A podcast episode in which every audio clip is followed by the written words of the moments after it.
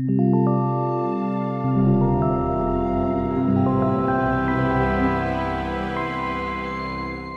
och välkomna till Akademiska smådåd. Det här är en podcast för dig som vill veta vad fan dina skattepengar till forskning går till. Mitt namn är Simon Skau och jag befinner mig i Göteborg. Jag heter Kristoffer Sundberg och sitter i Lödösen. Jag heter William Thomson och stödjas inte av skattepengar just nu. Viktigt att säga. Och eh, dito, jag heter Pontus eh, Plavén Segraj och eh, sitter i ett litet psykologiskt testrum på Rikshospitalet i Köpenhamn. Men idag tänkte vi prata så här, lite annorlunda format än vad vi gjort hittills. Är det någon som vill berätta om den? Vi ska prata om oss själva idag. Yay! Det är väl ändå det mest intressanta man kan tänka sig lyssna på här i världen. Nej, vi ska prata om vad vi gör och vad vi tycker är intressant och kanske, om man får använda det här ordet, vad vi brinner för inom våran eh, liksom, eh, yrkesverksamma liv eller det vi sitter och tänker på och det vi sitter och funderar på just nu. Eh, och så vi går runt helt enkelt och eh, går igenom oss allihopa och sen så börjar vi med att introducera oss själva liksom lite grann vad vi har gjort och vad vi är intresserade av och sen så kör vi lite diskussion kring det och så ser vi om vi hinner runt alla fyra. Mm. Låter superbra. Ska vi, eh, vad, William, vill du börja? Jag tycker om väldigt många olika forskningsfrågor och tanken är ju att man ska nischa sig som forskare. Man ska äh, bli mer insnöad i, i en viss, frågor, en viss fråga. Jag har, jag har faktiskt jättedålig på just det tror jag. Jag är intresserad på jättemånga olika frågor. Så att eh, om, jag tror till exempel om, om det går sex månader innan jag träffar Simon så kan jag Ja, han frågar sig vad gör du nu så kan jag helt plötsligt säga att jag håller på med någonting helt annorlunda än vad uh, han tro, tror jag håller på med. Ja, Stämmer det, det Simon? Ja, ja eller så här, det är väl snarare att det så här, läggs på. Så här, Jaha, gör du det också? Eller så här. Ja. Men jag tycker det är lite obehagligt för varje gång man snackar med William så är det ju någon ny grej. Och, men alltså till skillnad från många andra så känns det som att William liksom påbörjar, jobbar, avslutar. Liksom. Han kommer ju faktiskt till någon slags avslut med alla de här miljontals projekten och frågorna som eh, det jobbas med. Fast jag, ja, jag tror inte jag gör det. Det är ångestframkallande. Det är provocerande nästan för oss andra. Som, som alltså, absolut inte jobbar på det viset. Aha. Vi, jag, jag, vi, kan, vi kan ändra ämne på det här, samt, det här podcastet hur mycket ångest jag skapar för andra forskare. för tydligen så fick jag reda på att um, forskare på KI hade en, en, ett, ett seminarium hur man ska skriva kappar och de använde min avhandling som exempel. Och det var tydligen väldigt ångestframkallande för dem för jag hade skrivit väldigt mycket i min kappa och min av, i min uh, avhandling. Så, och då ska vi då de, säga att ka kappan är det man, eh, sammanfattningen man skriver när man skriver sin eh, doktorandavhandling. Om man skriver en artikelbaserad, annars skriver man bara en första kapitel eller en introduktion. Precis, men hela, hela min eh, doktorandavhandling i alla fall var väldigt ångestframkallande för den var ganska tjock. Um, men det var inte meningen att skryta om det här. Jag tycker inte om att skapa ångest för folk. Um, men det är ganska bra att, jag, att, att folk för jag är en väldigt äh, ångestfull varelse oavsett, så det är ganska bra att, dela, att folk får uppleva lite av min värld. Känner um, du att ångesten bidrar till din forskning någonting, William? Det är väldigt mycket faktiskt. Uh, men jag, jag tänkte i alla fall, vi, vi kan lämna det här om min ångest och ångest jag skapar för andra och gå till vad jag kanske är min nisch. Alltså om jag ska försöka hitta en nisch angående vilken fråga jag, jag brinner för som Pontus sa, um, är just hur fungerar hjärnan? Och det är en väldigt stor fråga. Och när man läste artiklar för ungefär tio år sedan i Dagens Nyheter så läste man artiklar om att forskare har hittat hjärndelen som är ansvarig för X. Och då kan man ersätta X med Uh, rasismen såg jag en gång, eller empati. Uh, väldigt många olika kognitiva fakulteter hittade vi olika hjärndelar för. Och det visar sig att det förmodligen inte är så. Att det fin inte finns så speciella hjärndelar som, en som enbart aktiveras vid en viss funktion. Utan de här hjärndelarna samarbetar och eh, ett hjärnområde kan, kan ha flera olika funktioner. Och det är just det här som jag nog sysslar mest med. Är hur ska vi analysera hjärnan? Hur, vilka metoder ska vi använda? Hur ska vi försöka kvantifiera det här, det här samarbetet mellan olika hjärndelarna? Så, så om man kan tänka sig um, något företag som har olika avdelningar och de ska släppa ett produkt. De har ett PR-avdelning eh, som måste samarbeta med försäljningsavdelningen när de ska släppa ett nytt produkt. Och det är lite så eh, man ska kolla på, på hjärnan. Och tyvärr så tycker jag att det har varit en teoribrist inom, inom kognitiv neurovetenskap och jag försöker um, komma med bättre teorier, bättre metoder. Det här var kanske alldeles för vagt, men det här är ungefär vad jag håller på med. Men jag måste alltså börja där, avslutningen med teoribrist. Alltså, eh, och du har ju läst en del filosofi, du är en master i filosofi, eller ja men läst en massa år. Alltså känner du att du har, har med det från filosofi eller känner du att det liksom är något annat? Om man pressar mig tillräckligt mycket så egentligen jag hade en fråga jag ville svara på när jag var filosof. Och det handlar om kontext och trosföreställningar. Och jag vill svara på det. Jag ville, svara, jag ville gå till empiri och jag, jag var så naiv och tyckte ja men jag kan kolla, jag kan läsa en master i uh, kognitionsvetenskap i sex månader, eh, i två år. Och då kommer jag ha svarat på alla empiriska frågor kring mina filosofiska frågor. Och det visade sig att metoderna för att ens undersöka de frågorna jag var intresserad av fanns inte. Så jag var tvungen att försöka hjälpa utveckla de här metoder eh, analysmetoder för att kunna svara och snart hoppas jag påbörja just mitt drömprojekt för att kunna svara på den här frågan jag haft i ungefär åtta år angående kontext och hjärnan. Men kan du utveckla det lite William? Vad menar du med kontext och hjärnan? Jag förstår okay. faktiskt inte. Vad, vad var det du började när du var en ung filosofstudent på Göteborgs universitet?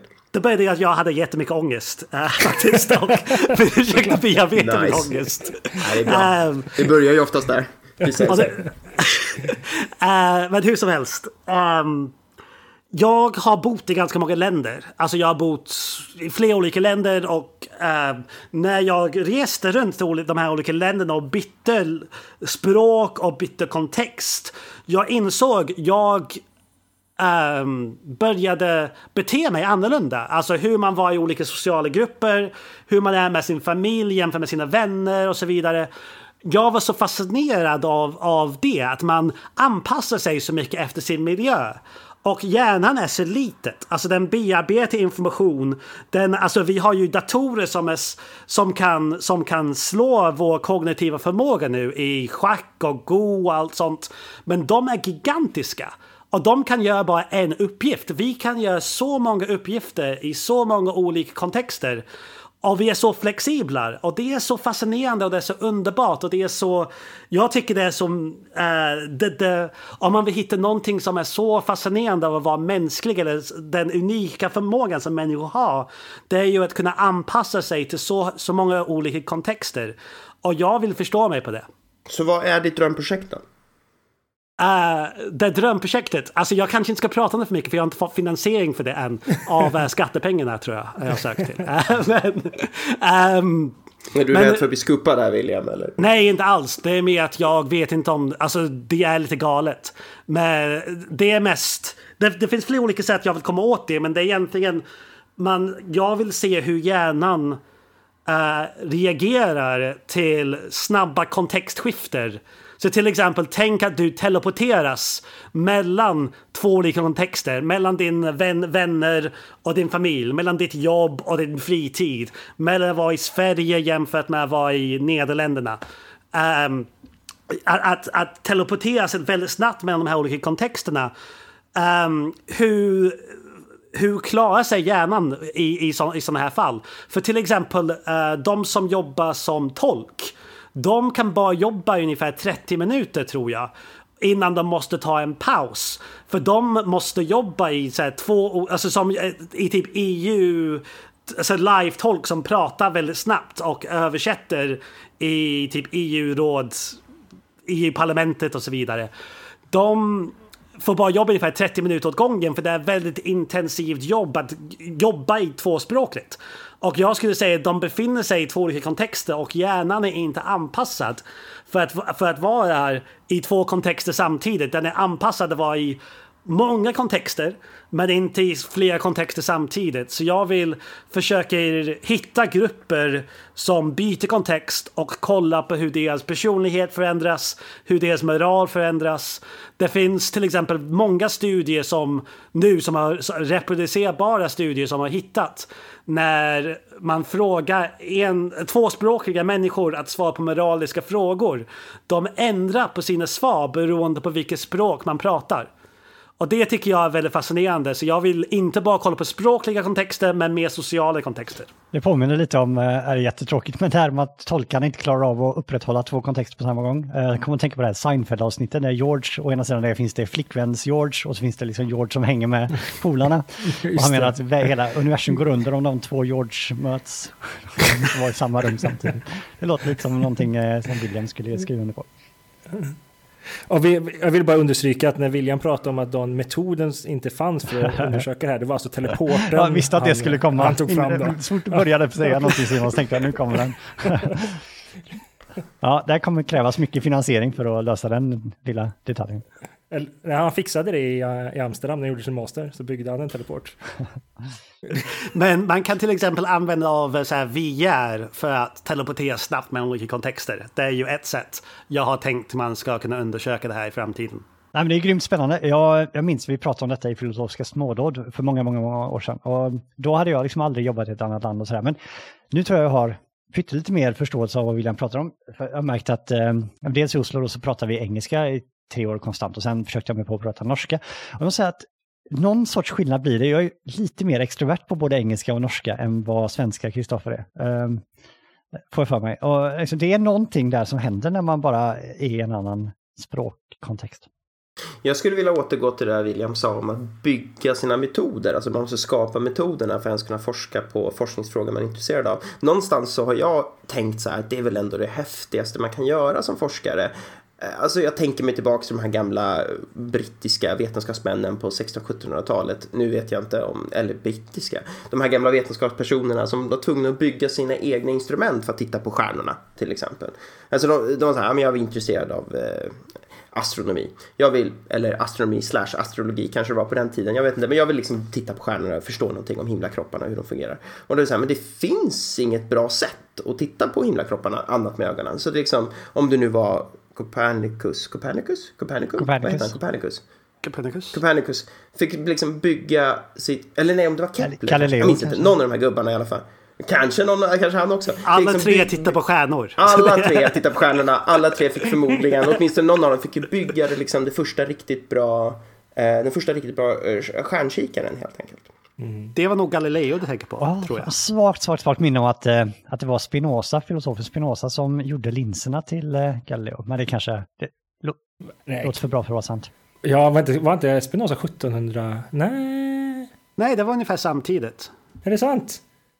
Vi, säg, vi, säger att det är så. Vem ska ifrågasätta oss? Förutom någon historienörd som sitter och lyssnar på det här. Du är på väg Pontus med det här? För det Nej, alltså, prata om metoder var spännande. Jag, jag, tycker det är så häftigt det här med eh, vetenskap. Jag, när, när jag började vetenskap tänkte jag så här. Det, det, här är väl vetenskap att få bygga sina egna instrument. För att utveckla sina egna metoder då, analysmetoder. För att svara på, på på frågorna. Och eh, någonstans så är väl, känner jag väl en liksom stark sympati med det. Jag tycker väl kanske att det är det, det häftigaste och roligaste med vetenskapen. Och sen just själva frågan tycker jag alltid inte blir så intressant för att vi kan inte säga så mycket.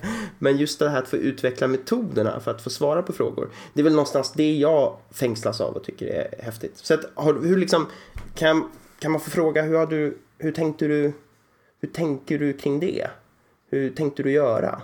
Um, för, för först klargöra, det finns en skillnad mellan uh, de här 1600-1700-tals människorna som utvecklade nästan hårdvara och vi som utvecklar analysmetoder. Det finns det är som an, hårdvara-mjukvara-skillnad.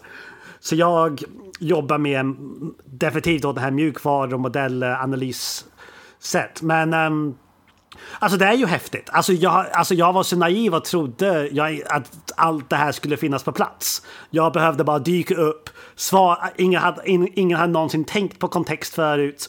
Jag skulle kunna svara på det här eh, inom sex månader. Sen skulle jag kunna gå tillbaka till filosofi och vara en jättestor filosof.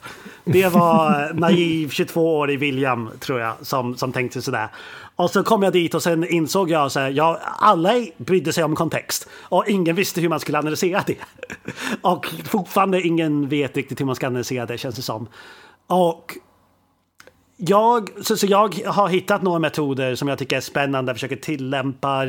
Och jag är nu väldigt um, jag, jag känner ganska många som också utvecklar metoder. Och jag insåg att man kan nästan, alltså om man tänker sig det finns eh, Alltså det här är jättedålig metafor men om man tänker sig man har någon man ska bygga möbler och man har en spik och man ska slå det med någonting och man har en hel verktygslåda.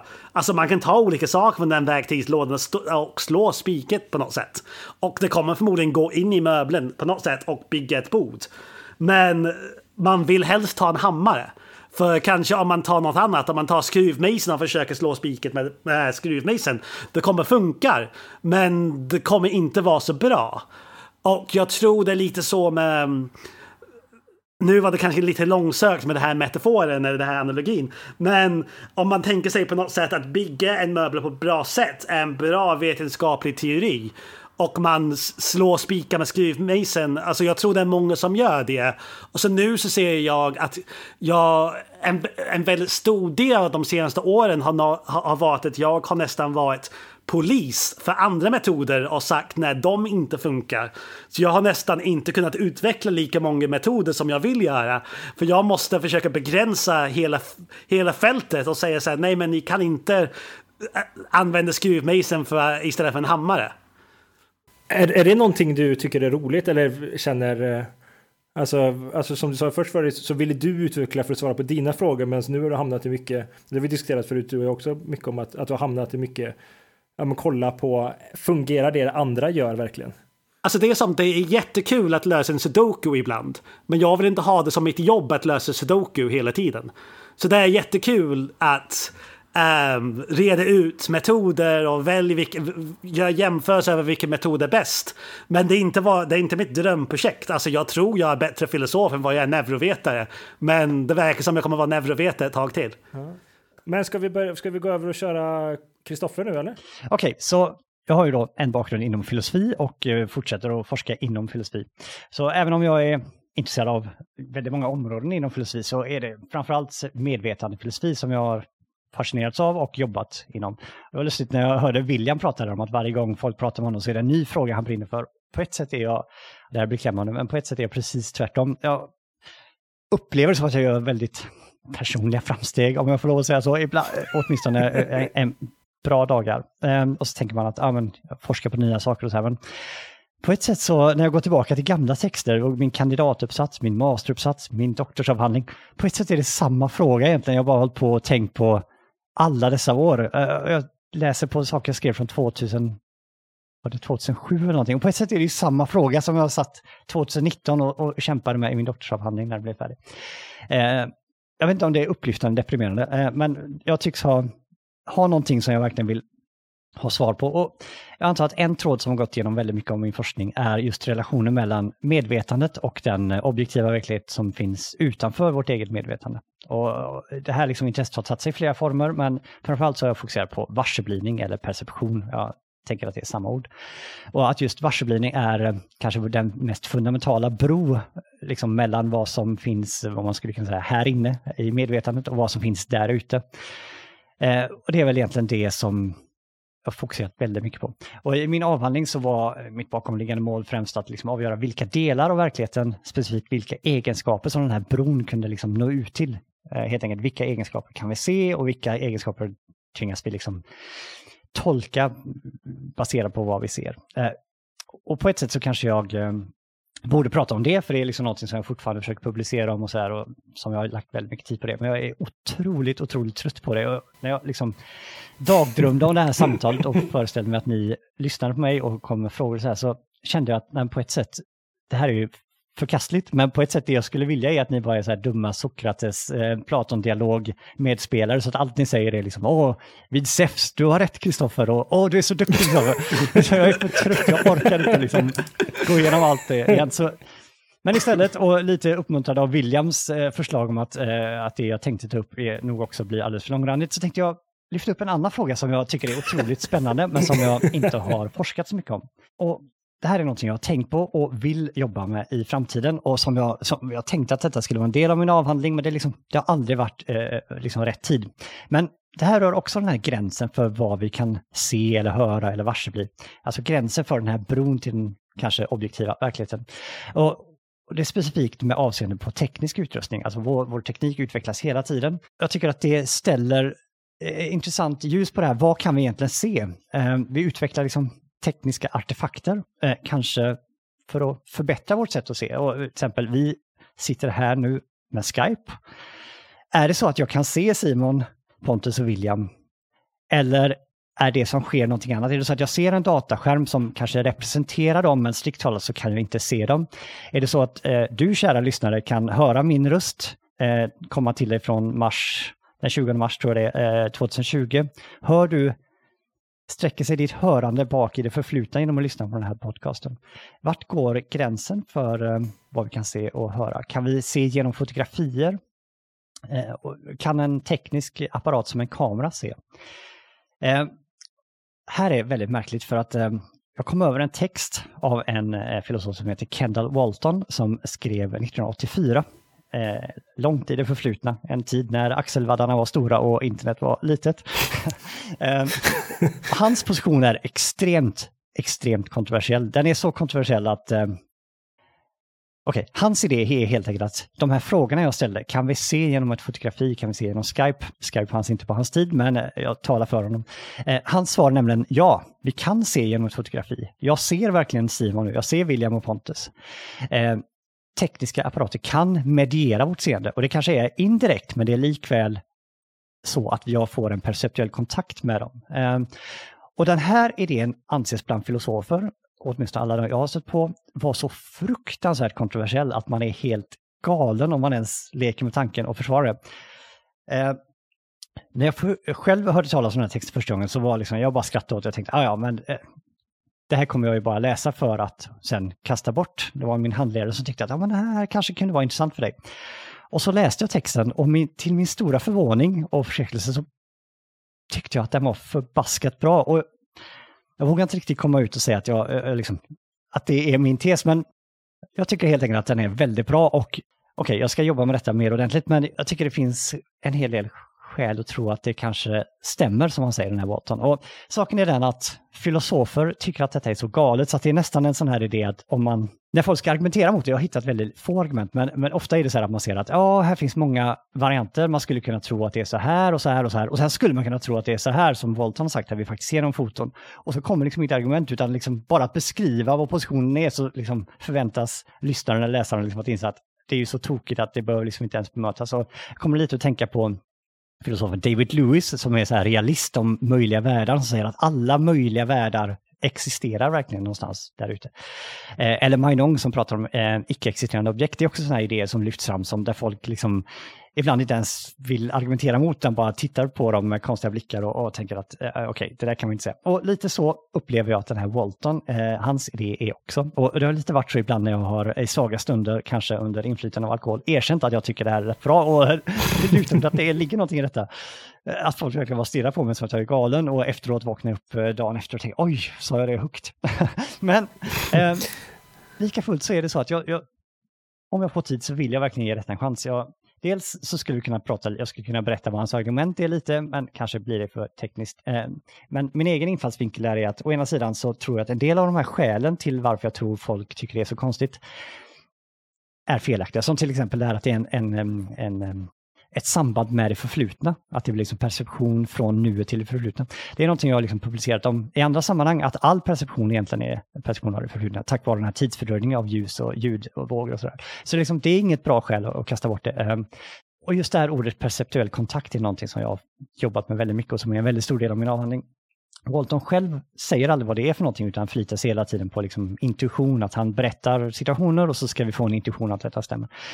Jag tänkte att här kanske finns ett tillfälle att använda min tekniska apparat som jag har skrivit så mycket om i min avhandling och, och liksom säga okej, okay, kan vi se via Skype? Ja, det beror lite på vad vi menar med se och vad kriterierna för att vi ser är. Och, och, ja, jag har nu skrivit en del om det och då kanske jag kan ja, ställa de frågorna. Så helt enkelt, eh, det är någonting jag just nu tycker är väldigt intressant och eh, kunde vara kul att höra lite vad ni tror. Eh, tycker ni som de flesta filosofer att detta låter helt vansinnigt eller låter det rimligt? Får jag bara, alltså, du sa att vi bara, vad, vad, menar, vad menar du, ser vi bara det förflutna? Eh, precis. Vad menar du, vadå, vadå, ser inte jag, hör inte jag dig nu? Eller ser inte jag min, uh, mitt knä? Som du märkt när vi, vi, när vi, för att synka den här Skype-sändningen så räknar vi till 12. Så jag, du räknar till 1, jag räknar till 2, William till 3. Ja, och Pontus till 4. Eh, som du har märkt så är det lite svårt för att det är ju en um, fördröjning, tidsfördröjning. Så du hör inte mig i nuet, du hör mig, vad ska vi tro, en sekund bakåt eller hur, beroende på hur lång fördröjning det är i signalen. Och när du tittar på månen... Men det hände, det hände i ett vanligt samtal, alltså även om det inte finns någon Skype alls om vi sitter i samma rum. Det finns fortfarande en tidsfördröjning när jag pratar och när du hör mig. Ja, just det, det är klart. Men, men okej, men alltså visst, hörsel, men när jag ser någonting, alltså jag ser dörren här borta, det, jag ser ju den Det är en nu. gradskillnad, men inte en artskillnad. Uh, så du ser ju månen en sekund i det förflutna, du ser solen åtta minuter i det förflutna. Och väldigt många säger så här att oh, perception av avlägsna stjärnor, nej, de kan vi inte se, för att de, de kan ju ha försvunnit nu. De kanske liksom inte existerar längre. Men jag tycker, jag anser att det är ett felslut. All, förflut, all perception är en brygga till en specifik punkt som råkar ligga i det förflutna. Och när det gäller syn, och vi står en meter från varandra, så är den här avståndet till tid extremt kort. Men likväl så är det liksom en, en tidsfördröjning. Så jag ser ingenting som existerar? Uh, lägger du bara upp bollen för mig nu Simon för att jag ska prata om... Jag har ju faktiskt läst alla ja, artiklarna. Så jag vet Okej, okay, eh, diskussionen kommer ju och går åt ett annat håll där, men äh, tanken där är helt enkelt, äh, det hänger ihop med vad du har för teori om tiden. Äh, är du så kallad presentist och anser att bara nuet existerar, så nej, då ser du aldrig något som existerar. Men väldigt många är nu, äh, har en annan teori om tiden där all tid existerar, både det förflutna och framtiden. Bland annat den här presentistpositionen får problem med relativitetsteorin bland annat. Jag tror det här faktiskt är jätteintressant för jag tror jag och Kristoffer har hittat en filosofiska fråga där vi är Va? överens med varandra.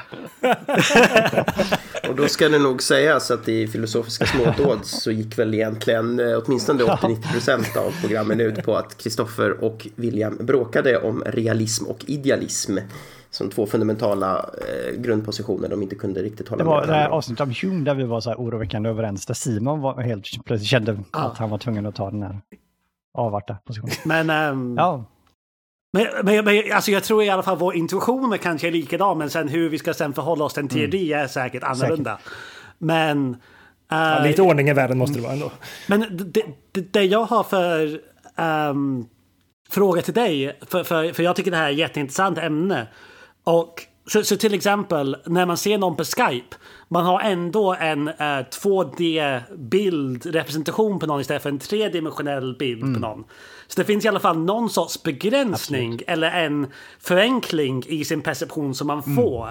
Hur mycket tycker du det påverkar din teori över hur mycket man har kontakt med det objektet? Ah, grymt, tack. Uh, uh, jag går automatiskt in i så här seminarie konferens, workshop. Där. Ja, tack, det var en bra fråga.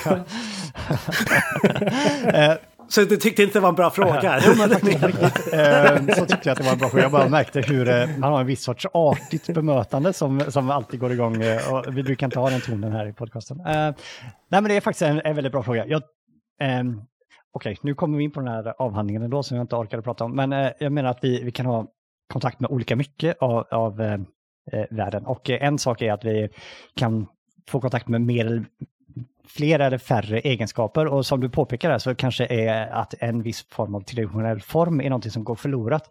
Så även om jag kanske skulle i så fall argumentera för att det är någon sorts perceptuell kontakt med er och en del av era egenskaper så är det helt klart en, en eh, fattigare kontakt än, än den vi får i verkliga livet. Och då kan man tänka svartvita kort, ja helt plötsligt så har jag liksom kanske inte kontakt med vissa egenskaper och sådär. Ja, så helt klart är det ju en sämre sorts kontakt. Okej, okay, om jag bara får nämna en sak som Walton säger, och detta är kanske inte ett mm. av hans bästa argument, men det är något som ändå berör mig på ett sentimentalt sätt. Och det är antagligen inte någonting som borde ha ett starkt bevisvärde i varken, eh, inom varken filosofi eller vetenskap. Men jag tycker det är sällan jag blir berörd av saker jag läser, så jag vet inte, av, av den anledningen kan jag nämna det. Men ett av de här argumenten han tar upp är vår reaktion på fotografi. Han pratar mest om fotografi, men jag tycker Facetime Skype är ännu starkare. Just det här att han pratar om att, att vi ser en död släkting, någon som vi älskade väldigt mycket. Och så frågar han varför tar vi upp detta fotot igen, igen, igen? Normalt så har folk en... Folk kan ibland säga att vi liksom, poängen med perception är att vi vill ha information, vi vill lära oss saker, vi liksom vill navigera eller vill få kunskap. Men varför tar vi upp det här fotot om och om igen? Det är inte för att vi har glömt bort hur, låt säga, farmor såg ut. Vi, liksom, vi behöver inte någon ny information, utan att se henne igen är ett sätt att vara nära henne. Och ja, vi är flera här som pendlar så kanske är det flera som kan relatera där. Men eh, låt säga ett fiktivt exempel. Låt säga att det finns en filosof som pendlar till Oslo och saknar sin dotter ehm, eh, i, i Lödöse. Eh, och, och se henne på Facetime. Det är liksom, varför värdesätter jag det så otroligt mycket? Är det för att jag har glömt bort hur hon såg ut och behöver liksom uppdatera mig eller vill veta vilka kläder hon hade? Nej, utan det är snarare så här att bara, även om vi inte pratar så bara att få se henne är liksom, det är mycket sämre, det är mycket säm, svagare perceptuell kontakt än att, än att träffa i verkligheten. Men det är ändå ett sätt att på något sätt vara nära henne. Eh, jag vet inte, det argumentet berörde mig eh, på ett sätt, men inte för att det kanske är på ett intellektuellt sätt ett jättestarkt argument, men det är ändå någonting. Men jag tänkte på en sak som, när, alltså, jag för, för det pratar om att folk kollar på bilder på folk de, på släktingar och så vidare. Eller så kollar på Facetime och så vidare.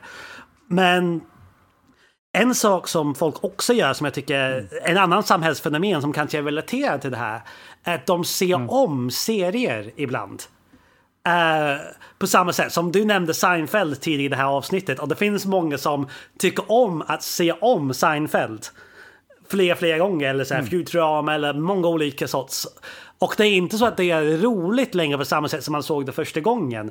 Men jag har hört en analys att en anledning man gör det är att um, man nästan är, hänger med sina vänner nästan. Att man får någon slags um, mm. någon sorts känsla som när man tittar på ett kort på en gammal släkting. Det är det man får ut av att titta på se gammal serie flera gånger. Och jag undrar, tror du det här skulle kunna integreras i den här teorin? Jag tror det, men här finns en, en komplikation som gör det väldigt svårt för mig. Eh, eller ja, för, för alla antar jag. Men, men å ena sidan så är det ju perceptuell kontakt med de här skådespelarna. Eh, men jag, här misstänker jag att komplikationen är att det också finns någon sorts fiktivt intentionalt objekt för att använda sig jätteknöligt, Men att vi kanske också på något sätt har någon sorts relation till karaktären. Eh, George. Eh, så frågan är vem det är vi vill vara nära. Är det, ja, vad heter han nu? Eh, Jason Alexander eller är det George Constanza som, eh, och, och, kanske är det just George Constanza så det blir ännu en, ett lager. Jag tror att detta skulle vara en eh, jätteintressant det, det här är liksom en sån sak som man borde skriva om, men jag är lite rädd för, för att eh, ge, ge mig in i en fiktiv, även om det är också en debatt som jag liksom har snuddat vid och tycker är asspännande verkligen, det här med fiktiva objekt och sådär. Men det är liksom eh, att lägga ett svårt ämne och sen ytterligare ett svårt ämne. Men å andra sidan, det kanske inte är en bra ursäkt för att inte gå dit. För, eh, för, för jag tror att det är, ja, är ju superintressant eh, dimension att lägga på det. Om jag hade skrivit en bok om det så hade det varit så här nästan, ja, då hade det varit fenomenalt och liksom efter att ha lagt de här grundbitarna, lägga på detta också, hade varit eh, grymt spännande. Så om, om den här eh, om jag träffar min engels, eh, hur det nu var, den här engels som finansierade Marx, om jag träffar min engels så skulle hen kunna få ösa pengar över mig och, och skriva en sån bok. Jag hade liksom, det hade varit helt okej. Jag tyckte det faktiskt um, jätteunderbart där okay. hur du tolkade min fråga sen hitta vår, hur ah. vi uh, skiljer oss i våra filosofiska positioner. På grund av mm. att du tog det automatiskt till objektnivån och jag var på den pragmatiska nivån ah. av så här, vad de här olika objekt har för pragmatisk effekt på människor. Mm. Medan du tänkte du, äh, direkt gick till att prata om objektet i sig. Ja, jag håller helt med. Jag tror det illustrerar två olika vad vi liksom blir berörda av och vad vi tycker är liksom så här, ja, helt enkelt vad vi, vad vi brinner för. Det var ju det ordet vi kanske inte fick säga. Var superbra. Eh, Pontus? Are you ready? Ja, jag är klar. Eh, vi kör en kort biografi av min eh, korta och inte speciellt framgångsrika forskningskarriär. Jag började den banan eh, med forskning innan, eh, på Karolinska institutet som psykologstudent och då plockades jag upp i en forskargrupp där och jobbade med det som inom psykologin kallas för psykometri. där vi mäter psykologiska fenomen som personlighet och, eller kognitiv kapacitet. Liksom. Hur mäter vi de här olika fenomenen? Men det jag fastnade framförallt för var de statistiska metoderna. Så jag kunde tyvärr inte uppbåda samma entusiasm för just de här psykologiska fenomenen eller teorierna i själva utan det var metoderna som jag verkligen började tycka var, nej men det här är ju intressant. Eh, och jag misstänker att den här professorn jag arbetade för då, han kände nog av min rastlöshet och skickade mig armarna på en hjärnavbildningsgrupp på Karolinska institutet. Så det slutade med att jag doktorerade i en hjärnavbildningsteknik som heter postronomissionsogografi, eller PET. Eh, och de flesta som känner till den här metoden vet att den används vid diagnos av cancer. Men merparten av forskning inom positron emissionstomografi, eller PET, eh, handlar om att hitta biologiska underlag för psykisk eller neurologisk sjukdom i hjärnan och för att utveckla då medicin, psykofarmaka. Så när jag jobbar med det här så tilltog bara mitt intresse för metod och modellering under den här doktorandtiden. Och jag ägnade mer och mer tid åt dataanalys. Men framförallt började fundera på hur man kunde förbättra dataanalysen. För det visade sig att väldigt mycket av den här PET-forskningen eh, och väldigt mycket av hjärnavbildningsforskning lider av en snarlik metodproblematik som man ser i psykologfältet eller som psykologforskning oftast anklagas för att lida av. Det är små stickprov och det är väldigt brusig data. Och just de här två i kombination, alltså de gör det väldigt svårt att dra robusta slutsatser från data. Speciellt när effekterna som vi undersöker, sambanden som vi vill titta på, är väldigt små.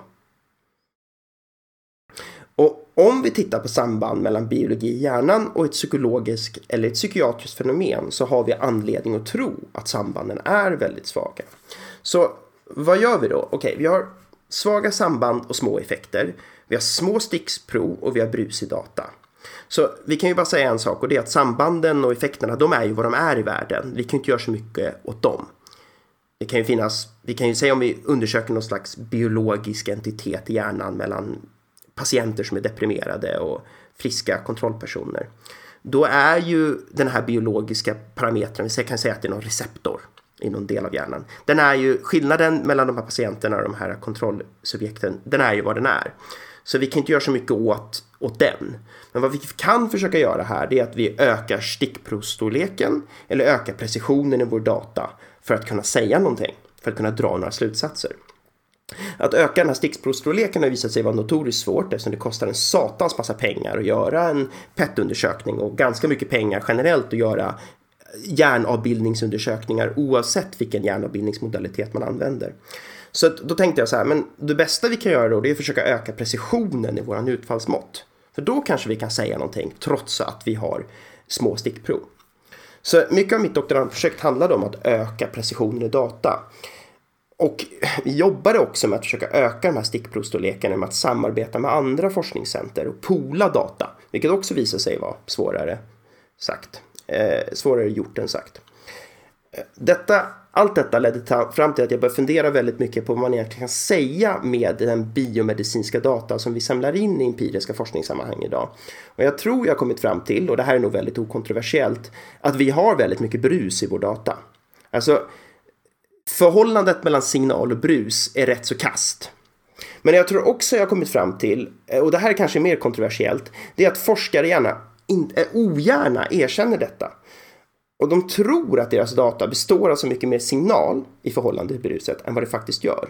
Och det här, det här oroar mig och det intresserar mig.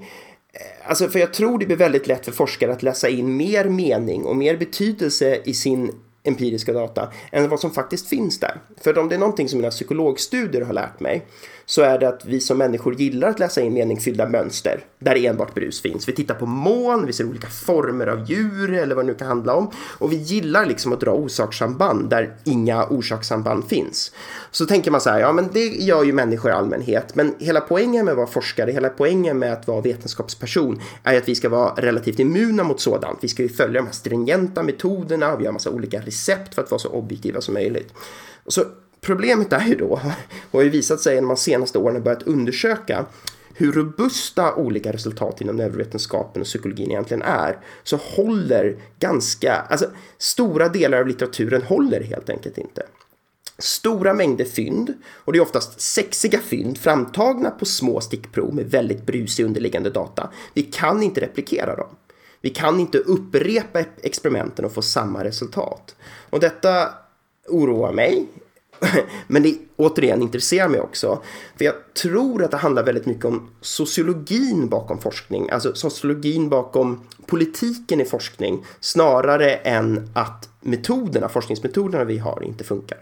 Så att mitt stora intresse idag är därför att utbilda mig själv och mina kollegor i vilka slutsatser vi egentligen kan och inte kan dra från den datan vi har. Och ibland är det ett ganska tråkigt jobb eftersom svaret väldigt ofta är att vi inte kan dra så bra slutsatser. Vi kan dra väldigt begränsade eller inte alls några slutsatser överhuvudtaget. Och det gillar ju folk inte att höra och det gillar jag själv inte att höra. Men vetenskapen och statistik och, och statistisk inferens, de det bryr sig, de bryr sig förstås inte att någonting är tråkigt eller ledsamt för en forskare.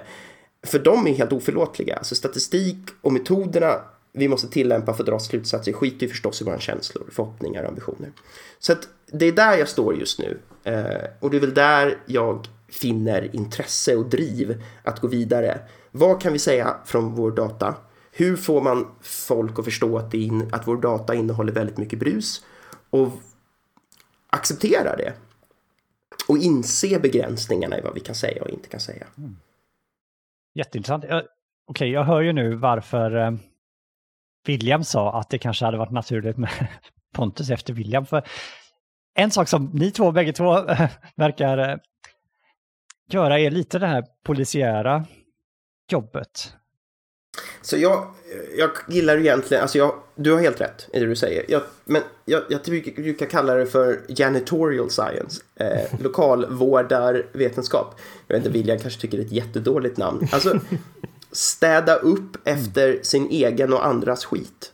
Helt enkelt. Jag publicerade en artikel när jag var väldigt ung och nybakad doktorand som jag inte är speciellt stolt över. Jag är, skäms faktiskt för stora delar av den och har väl ägnat ganska stor del av min doktorandtid till att försöka liksom botgöra den synden genom att helt enkelt städa upp efter den artikeln.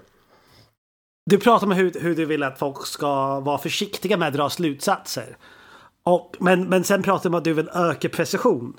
Eller så att du vill ha bättre analysmetoder eller du vill ha öka, ökad precision med dina analysmetoder. Men eh, motsatsen är kanske att man ska bara ha svagare slutsatser. Så till exempel, mm. allt vi för, för inom hjärna, min hjärnavbildningsmetod. Folk säger ja men, men ingenting reproduceras, vi har inte lärt oss någonting. Men när man tar ett par steg tillbaka ja men vissa studier kanske inte går att reproducera men vi har ändå lärt oss sjukt mycket om hjärnan när man tar ett par steg tillbaka. Alltså kanske inte individuella fynd men vi, vi ändå vet i stora drag lite mer än vad vi visste innan. Så om man tänker sig att det har funnits 25 år av FMRI-forskning. Vi har fortfarande lärt oss väldigt mycket trots att vi kanske inte har lärt oss de specifika slutsatser vi har hoppats. Och vad var frågan? Är det så att man ska ändra slutsatser istället för att ändra metoder? Det är kanske det, det, det var min fråga. Jag, jag, tror, jag tror båda är det vi ska göra. Helt enkelt. Alltså jag tror vi, det är bra om vi har mer precisa. Så här, man kan inte äta, alltså ska man äta kakan och ha den kvar? Alltså antagligen så får man, om, man, om vi säger att vi har brusig data och vi har oprecisa utfallsmått och vi har små stickprov. Då kan vi inte dra starka slutsatser. Då får vi tona ner våra slutsatser. Det är väl det jag argumenterar för att de flesta forskare inte gör. Och det finns massa, det är inte för att de är onda människor, utan för det finns väldigt många olika incitamentstrukturer i vetenskapen som gör att man gärna vill dra på full gas när man ska dra slutsatser åt olika håll. Eh, Okej, okay, men om, om vi säger då att vi kanske kan öka vår precision i data och göra det här signal till brusförhållandet så pass mycket bättre, då, då kanske vi kan säga någonting, trots att vi har väldigt, väldigt små stickprov. Okej, okay, men right, vi kan inte öka precisionen och vi vill absolut inte dra ner på våra slutsatser. Vi vill, bara, vi vill kunna bara smacka dit med de absolut häftigaste, sexigaste slutsatserna som finns. Ja, då, och, då får vi bara öka stickprovsstorleken. Och då är det ju bara liksom, då är det bara att betala helt enkelt, för det kostar. Så att eh, man får välja vilken av de här ja men det är väl någon slags treenhet då. Man får välja vilken av de här tre man vill, man vill gå på. Minska styrkan i sina slutsatser, i sina eh, resultat eh, eller vad man nu påstår sig ha hittat. Öka stickprovstorleken eller verkligen på något sätt öka precisionen i data. Och det, ingen är liksom en magisk lösning utan det måste ju vara en kompromiss mellan alla dessa tre. Du säger att ingen är en magisk lösning. Eh, jag var intresserad av det här med att öka stickprovsstorleken. Eh, låt, kan man liksom få en bättre, är det liksom helt garanterat att du får en bättre signal till brusförhållande? Du kommer lösa det genom att bara öka, i så fall låter det som en magisk, eh, alltså det är bara en pengafråga. Uh, det är väl egentligen en svår fråga, men de statistiska, alltså de statistiska metoderna som vi använder går ju oftast ut på att du ska kunna dra Alltså du drar en slutsats med hjälp av ett statistiskt kriterium och den slutsatsen blir ju oftast lättare att nå ju mer data du har, givet att allt annat är lika. Så att om vi säger att du har tio personer, du har tio subjekt du har forskat på och du tror inte att ditt samband är speciellt starkt.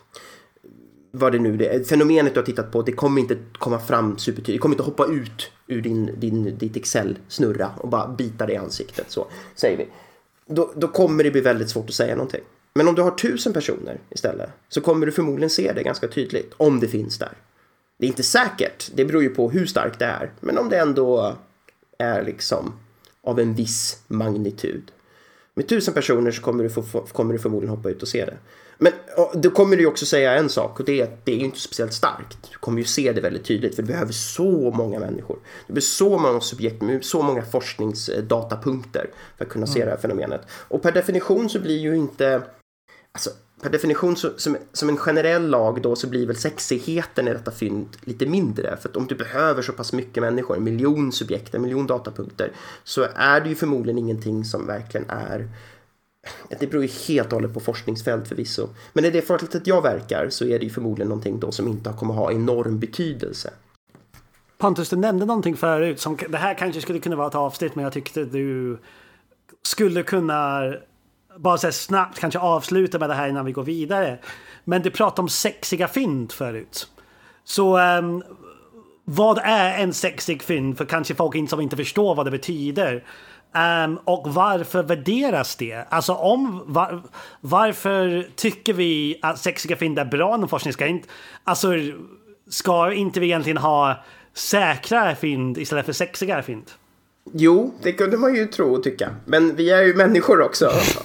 så, så, så, varför inom forskning så värderas sexiga fynd just nu? Alltså, det kanske är alldeles för svår fråga, men det verkar som det, det är en väldigt stor sak inom din forsknings... Ja, just nu vet jag inte om det... Alltså just nu, när det kommer till biomedicin, psykologi, psykiatri, neurologi och liksom life science, livsvetenskapen, man ska översätta det till svenska, så är det ju generellt så att det är lättare att få uppmärksamhet och pengar och framgång om man har ett fynd som kan liksom rullas ut i massmedia. Det behöver inte vara så, det är kanske bara så att det får väldigt mycket uppmärksamhet i forskningssamfundet. Men det är ju liksom lättare att glida igenom och göra karriär helt enkelt. Om man har så kallat sexigt fynd. Du var ju inne på det tidigare William, liksom, mm, det här med skillnaden mellan olika eh, nätverk i hjärnan eller bara att man hittat centrum i hjärnan. Och så sa man, ja nu har vi hittat centrum för rasism. Det, det finns ju inget sådant i hjärnan, det, det, det är inte så simpelt liksom. Men eh, när den studien publicerades, då, bara, då gick det stort ut. Liksom, nu har vi hittat centrum för rasism i hjärnan. Fast det fanns ju liksom egentligen inte ett und sanning eller verklighetsförankring i, i den studien. Men det fick massa uppmärksamhet och jag har väldigt svårt att tro att de forskarna liksom inte fick en hel del positiva e, effekter av, av att kunna rulla ut den studien och få så mycket uppmärksamhet. Så det handlar ju om att vi är människor och att det finns incitamentstrukturer som jag tycker vi ska ta och verkligen nagelfara ett annat avsnitt som gör att vi som forskare inte alls beter oss superobjektivt som man kanske kunde hoppas. Utan att vi springer efter helt andra vi springer efter resultat på helt andra grunder än att de är objektivt sanna. Eller att vi liksom kanske borde dämpa våran styrkan i våran slutsatser och våran övertygelse. Eh, alltså det här är jätteintressant. Så som vi framställer sexiga frågor nu så var det ganska negativt eh, ljus, nämligen att det är sånt som ger publicitet och sådär. Men man skulle också kunna vända på det och säga, William sa i förbifarten att vi borde fokusera eh, på sånt som vi eh, är säkra på eller som vi får um, objektiva resultat. Jag kommer inte ihåg vilket ord det var. Eh, och det var nog bara mer för att prov, liksom, ge ett annat perspektiv. Men här är ju en sak, vi skulle kunna forska på saker som är väldigt lätta att få objektiva svar på, men som är helt ointressanta frågor. Så kanske ligger en, en, om man nu ska ge en positiv spin på det här sexigheten, är att vissa frågor tycker folk är väldigt viktiga och intressanta. Eh, och att, att det får fokus kanske inte bara behöver vara negativt, att, liksom för att återigen det här vems, vem, va, de här skattepengarna som vi, som vi roffar åt oss, vad, vad får folket ut av dem? Som jag roffar åt mig. Ja. Men, det, Men jag, jag, tänker att det finns en kvalitativ det finns en skillnad mellan sexigt och viktigt för sam samhället ja. liksom någonstans. Eh, vad som är sexigt som kan gynna din karriär kanske inte nödvändigtvis är superviktigt för samhället. Eh, speciellt inte om det inte är sant förstås. Mm. Men det är klart att man kan kanske kombinera viktighet och sanning, vad det nu är, och sexighet i, i forskning. Men det är svårt. Det är jätte, jättesvårt och det, jag tror det är väldigt få forskare i Sverige och i världen som lyckas med det. Och mm. det är liksom ingen garanti bara för att man ger sig in i forskningsvärlden för att man ska klara det och man ska bli den som lyckas kombinera de här tre på ett bra sätt. Och det är oförlåtande. Och jag har inte gjort det på ett bra sätt. Så vad jag har gjort istället då, då är väl kanske det William var inne på lite grann innan, att jag har gått, rört mig mer och mer mot metodutveckling och utvärdera metoder och liksom försöka få andra, liksom lära andra helt enkelt. Både mina närmaste kollegor men också publicera artiklar som är mer som liksom seminariepek där man säger så här, men titta om man gör så här så blir det så här, och gör man så här så blir det jävligt dåligt, så gör inte så. Eh, och det är väl kanske liksom den positionen jag har mer och mer intagit och jag tycker mer och mer intressant. Mm. Ett, det är kanske är någonstans att ge upp också och inse men jag, är inte, jag kommer nog inte kunna kombinera jag kommer inte lösa liksom bota cancer samtidigt som jag kommer ha helt rätt och, och verkligen liksom få enorm genomslag i den behandlingsmetoden. Det är inte, det är inte min uppgift här i livet. Det, vad du säger nu begränsar väldigt många ämnen som vi också kommer att prata om som finansieringsstrukturer och värderingar inom forskning. Eller så, så jag tror vi kommer att återkomma till väldigt mycket som du säger Pontus. Så jag tycker det är... Jag, jag, jag, jag tycker sånt här är jätteviktigt också. Så jag... Ja, vi delar eh, väldigt mycket värderingar här tror jag. Men Simon, ska du Ja, ska jag försöka följa det här? Uh, ja. Uh, så okej, okay, nu ska jag försöka säga vad jag håller på med. I lite, alltså när vi pratar om det här. Um, vi pratar ju om lite så här, vilka frågor vi brinner för och jag sa det lite innan när vi pratade innan att men fan, jag, jag, jag är en del av eh, den akademiska cirkeln nu. Jag håller på att avsluta min doktorandutbildning och håller på att skriva samman den här kappan som nämndes förut. Och eh, någonting som väldigt många känner, som jag upplevt nu, är att man brinner inte för någonting.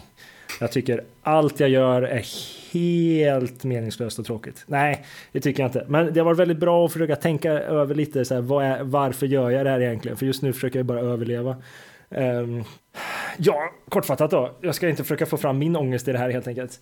Uh, om vi ska knyta tillbaka till den säcken. Uh, men okej, okay, så Alltså, jag är ju rätt teoretiskt lagd och tyckte teori var väldigt spännande och därför höll på med filosofi väldigt mycket. Um, men min bana där jag är nu började någonstans redan när jag höll på med filosofi. Jag skrev min magisteruppsats om perception, jag skrev min masteruppsats om eh, gruppagerande och fann de filosofiska teorierna fantastiskt fascinerande. Jag tyckte det var helt magiskt roligt.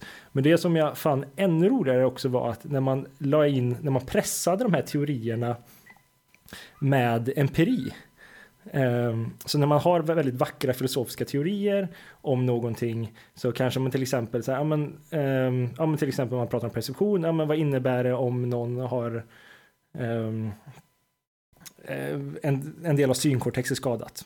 Men de kan reagera på vissa visuella intryck. Ser de då eller inte till exempel?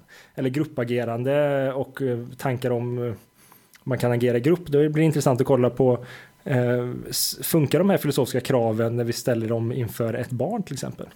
Eh, och det var något jag fann väldigt intressant att kolla på. Klarar, eh, om man tog in litteratur från eh, eh, ja, men, utvecklingspsykologi och liknande som jag fann väldigt intressant och fann att väldigt många filosofiska teorier inte riktigt klarade av.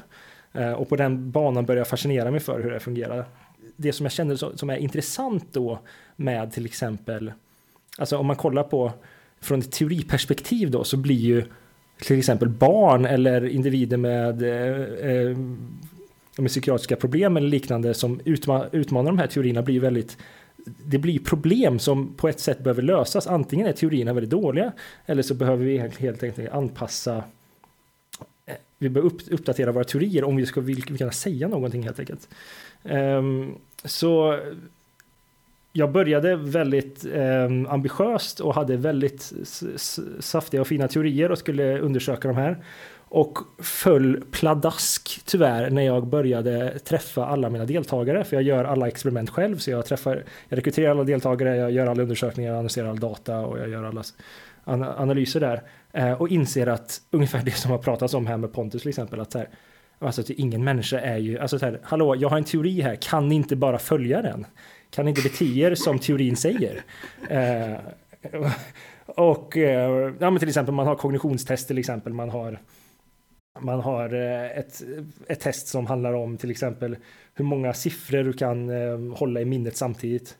Så säger man, ja men man kan hålla ungefär plus, eh, sju plus minus två saker samtidigt eh, i minnet samtidigt. Och så vet vi att den här patientgruppen jag skulle undersöka har problem med det här. Och så får man en kontrollperson som bara klarar tre saker och så får man en patient som klarar nio. Och man bara, jaha, men hallå, sluta nu. Vad är det här? Det var inte jag som var kontrollpersonen som bara klarade tre va? nej, nej, faktiskt. Nej, just det. Kristoffer har ju faktiskt varit jag har ju kollat på din hjärna några gånger. Det har varit väldigt uppskattat. Um, en fredagsunderhållning jag har, jag brukar lägga upp det på tv då. Ah, okay. Sen är, ja, men det är liksom det, istället, jag har ju foto på dig, men jag tycker inte det ger samma kontakt. Så jag kollar på din hjärnaktivitet istället för att liksom känna direktkontakten. Oh, okay. Det där är någonting vi skulle kunna prata om också. Det finns en jättebra artikel av eh, Adina Roskis. Ja, skitsamma. Ja, förlåt. Ja, nej. nej det men... blir till Journal Cluben. Det blir när vi kör en Journal Club. Precis. Nej, men så, så, så, det så att... Um...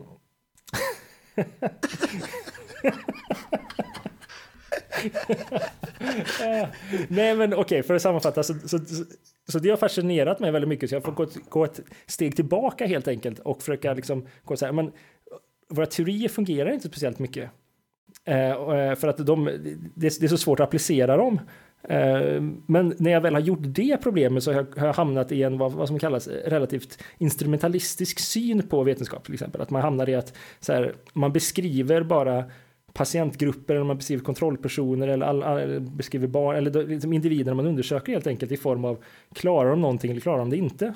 Och hamnar igen i mitt genuina problem att men, men det, vad, vad, har vi sagt då? Då har vi bara vi har inte sagt någonting. Det, jag har fortfarande en djup fundamentalt eh, rotat i mig att om vi ska försöka säga någonting så behöver vi ha en teori som säger någonting om det.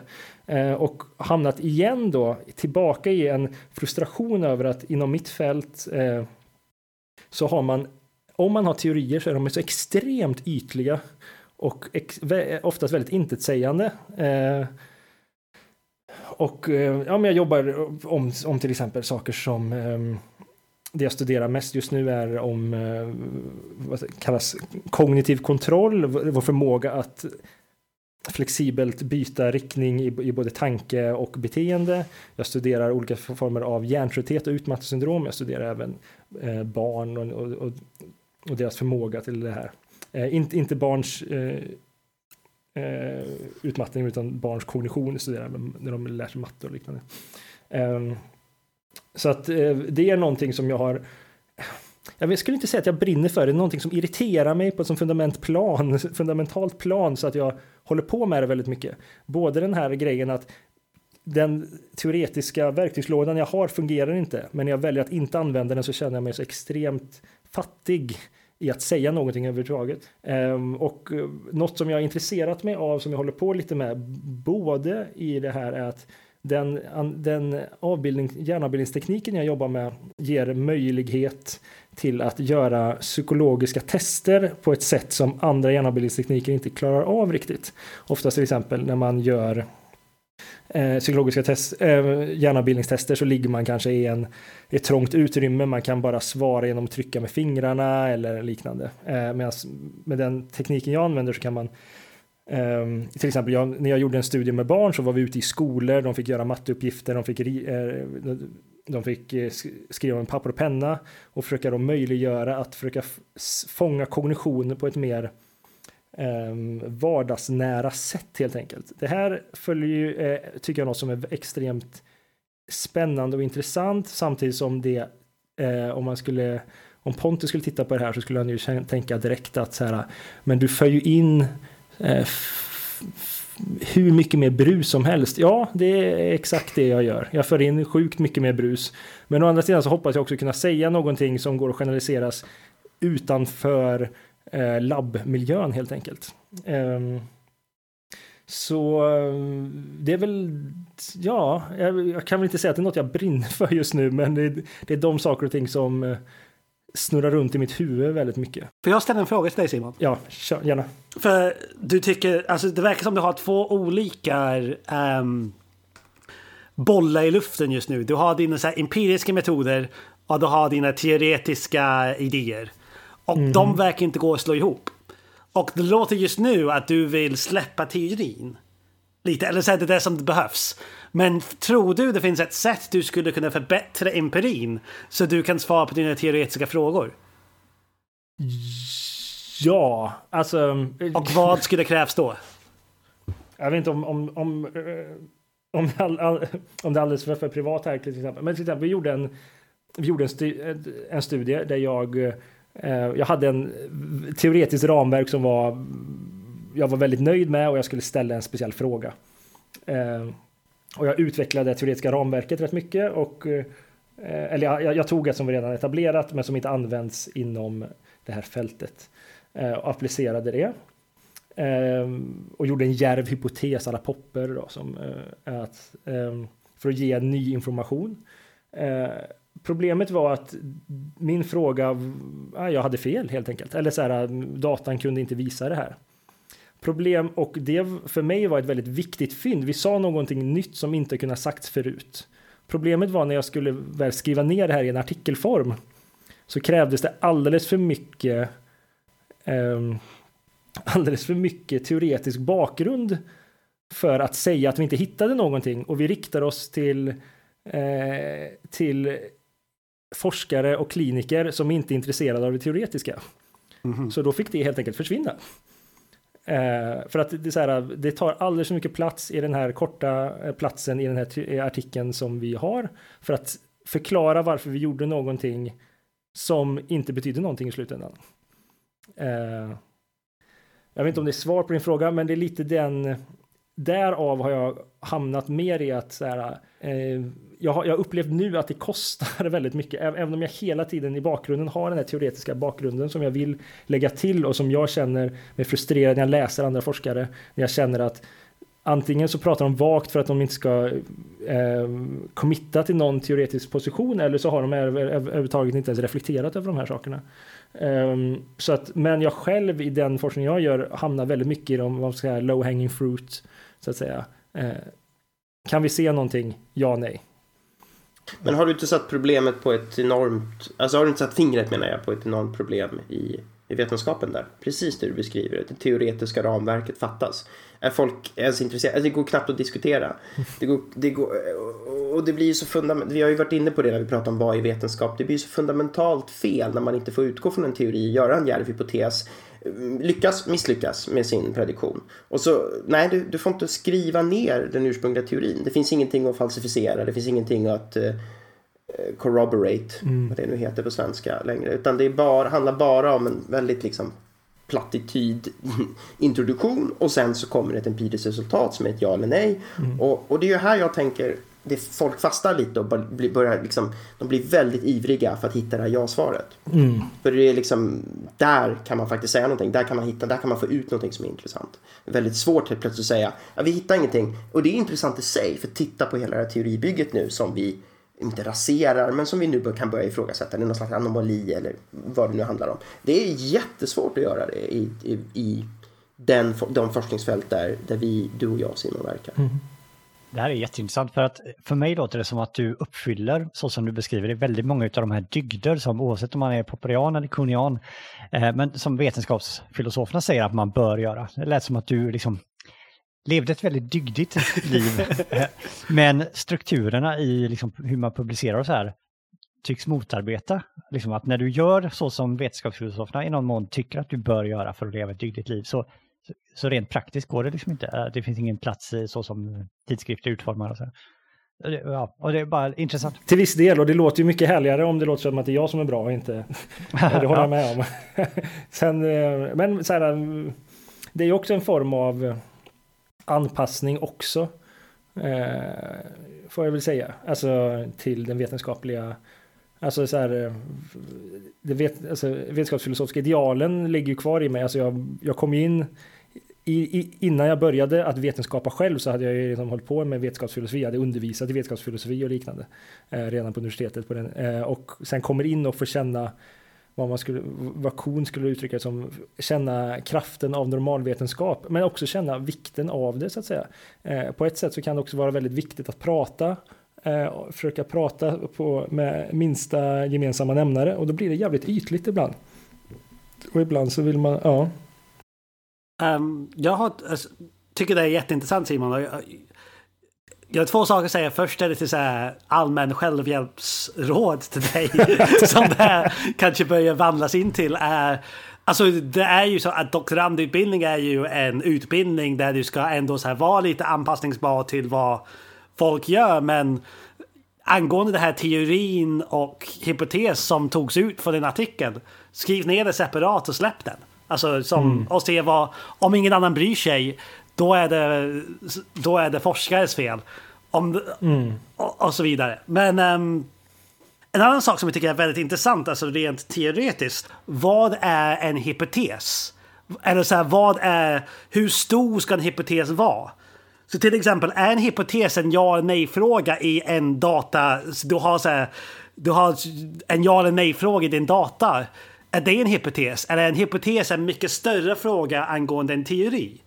Och jag tycker det, det låter som att du lever det här bråket. Att du har vissa människor som säger nej, en hypotes handlar enbart om datan. Och du vill säga en hypotes, nej, en hypotes handlar om en teori. Ja, ja men precis, alltså både och. Det är, det är, ja men den lever jag verkligen också. Alltså sen, sen hamnar man ju i Ja, men det har hamnat i min typ av forskning också är att eh, de studierna vi har gjort har varit relativt med relativt små stickprov. Så här, men var, alltså så här, var frågan för komplicerad för det här stickprovet egentligen eller inte? Men, eh, men eh, jo, jo, men precis, alltså det där hamnar man ju verkligen i. Alltså, eh, man vill ju gärna kunna uttrycka och, och framförallt när man riktar eh, forskningssvar mot till exempel men, mot kliniker eller liknande så ska ju både formuleringen och svaren ska gärna kunna vara i form av ja och nej. Eh, och desto mm, och, man har, och, och det finns en hela tiden en, en, en underliggande generell teori som folk har Eh, vilket blir väldigt problematiskt när jag då kommer från filosofi från början, sen från psykologi till kognitiv kognitionsvetenskap, inte kognitiv nervvetenskap och publicerar mig riktande mot läkare. Där jag inte, för det första har inte den bakgrunden som de har och ser fenomenen på ett helt annat sätt, även mot psykologer också. Eh, så då blir det eh, att det kan ju faktiskt vara så att de ytliga ja och nej-svaren kan faktiskt vara mer betydelsefulla om man har ett mycket bredare eh, en bredare teori i bakgrunden. Alltså, jag vet inte, det är inte ganska barockt att vi har en sån dikotomani i vetenskapen. Alltså det handlar så mycket om ja eller nej svar. Jag tänker mig snarare att det, det kommer liksom utfallet blir att vi får ganska ytliga teorier och ganska ytliga hypoteser snarare än motsatsen. Ja. Oavsett vilken nivå du rör dig på. Alltså när vi pratar om saker som inte är fysik och matematik då är det ju probabilistisk modell. Alltså vi, mm. vi måste tala om sannolikheter. Och sannolikhet rör sig mellan 0 och 1 och, och, att liksom hela tiden hålla på och förkasta eller acceptera, förkasta eller acceptera. Och så agera utifrån det. Är det inte bara bättre om vi om vi liksom gör någon slags bedömning på hur sannolikt det här är, hur starkt det är det här filmen. Alltså jag förstår er och jag är på er sidan just nu. Men jag ska leka lite djävulens advokat och stå, äh, loss, vara låtsasläkare just nu. Och om jag ska ge en medicin till en patient, man, det är svårt. Alltså, vad betyder det här att ha en 67% chans att fungera? Jag vill egentligen veta, kommer det här fungera eller inte fungera om jag ger det till en patient? Alltså vissa läkemedel eller någonting.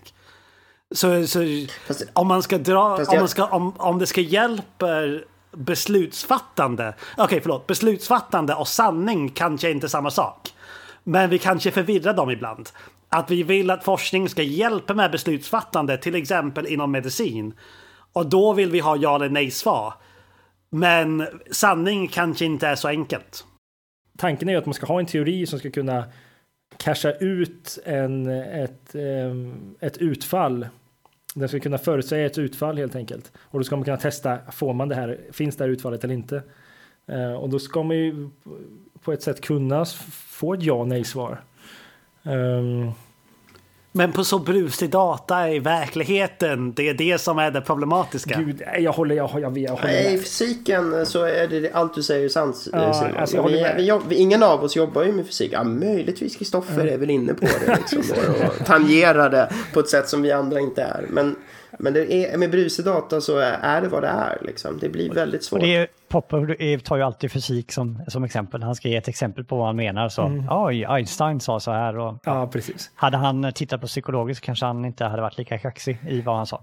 Ja, men, exakt, och jag vill bara avsluta det. Alltså, jag vill egentligen be om ursäkt igen för lyssnarna. Alltså, så här, jag, Alltså jag är i en period där jag liksom försöker sammanställa, alltså som, som nej, um, jag, eh, jag älskar verkligen vetenskap och jag, jag brinner för vetenskap. Jag brinner för att försöka förstå, eh, alltså de, eh, förstå hur, hur, kognition fungerar till exempel.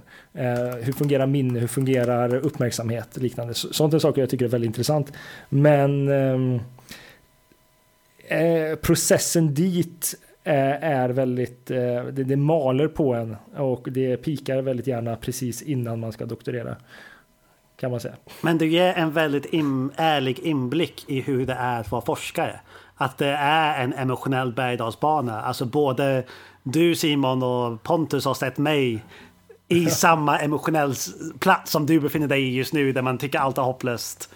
Mm. Så um, jag tycker det är bara ett ärligt inblick mm. inom forskarvärlden som du ger. Och då undrar jag om vi kan tala, prata om i framtida avsnitt om det finns något sätt, någon metod vi kan applicera för att kapa topparna och dalarna på den här emotionella berg och dalbanan för oss forskare. Det är sant. Det tar vi upp någon annan gång. Tänker Eller man börjar en podcast, det kanske är ett sätt att hantera det. ja, precis.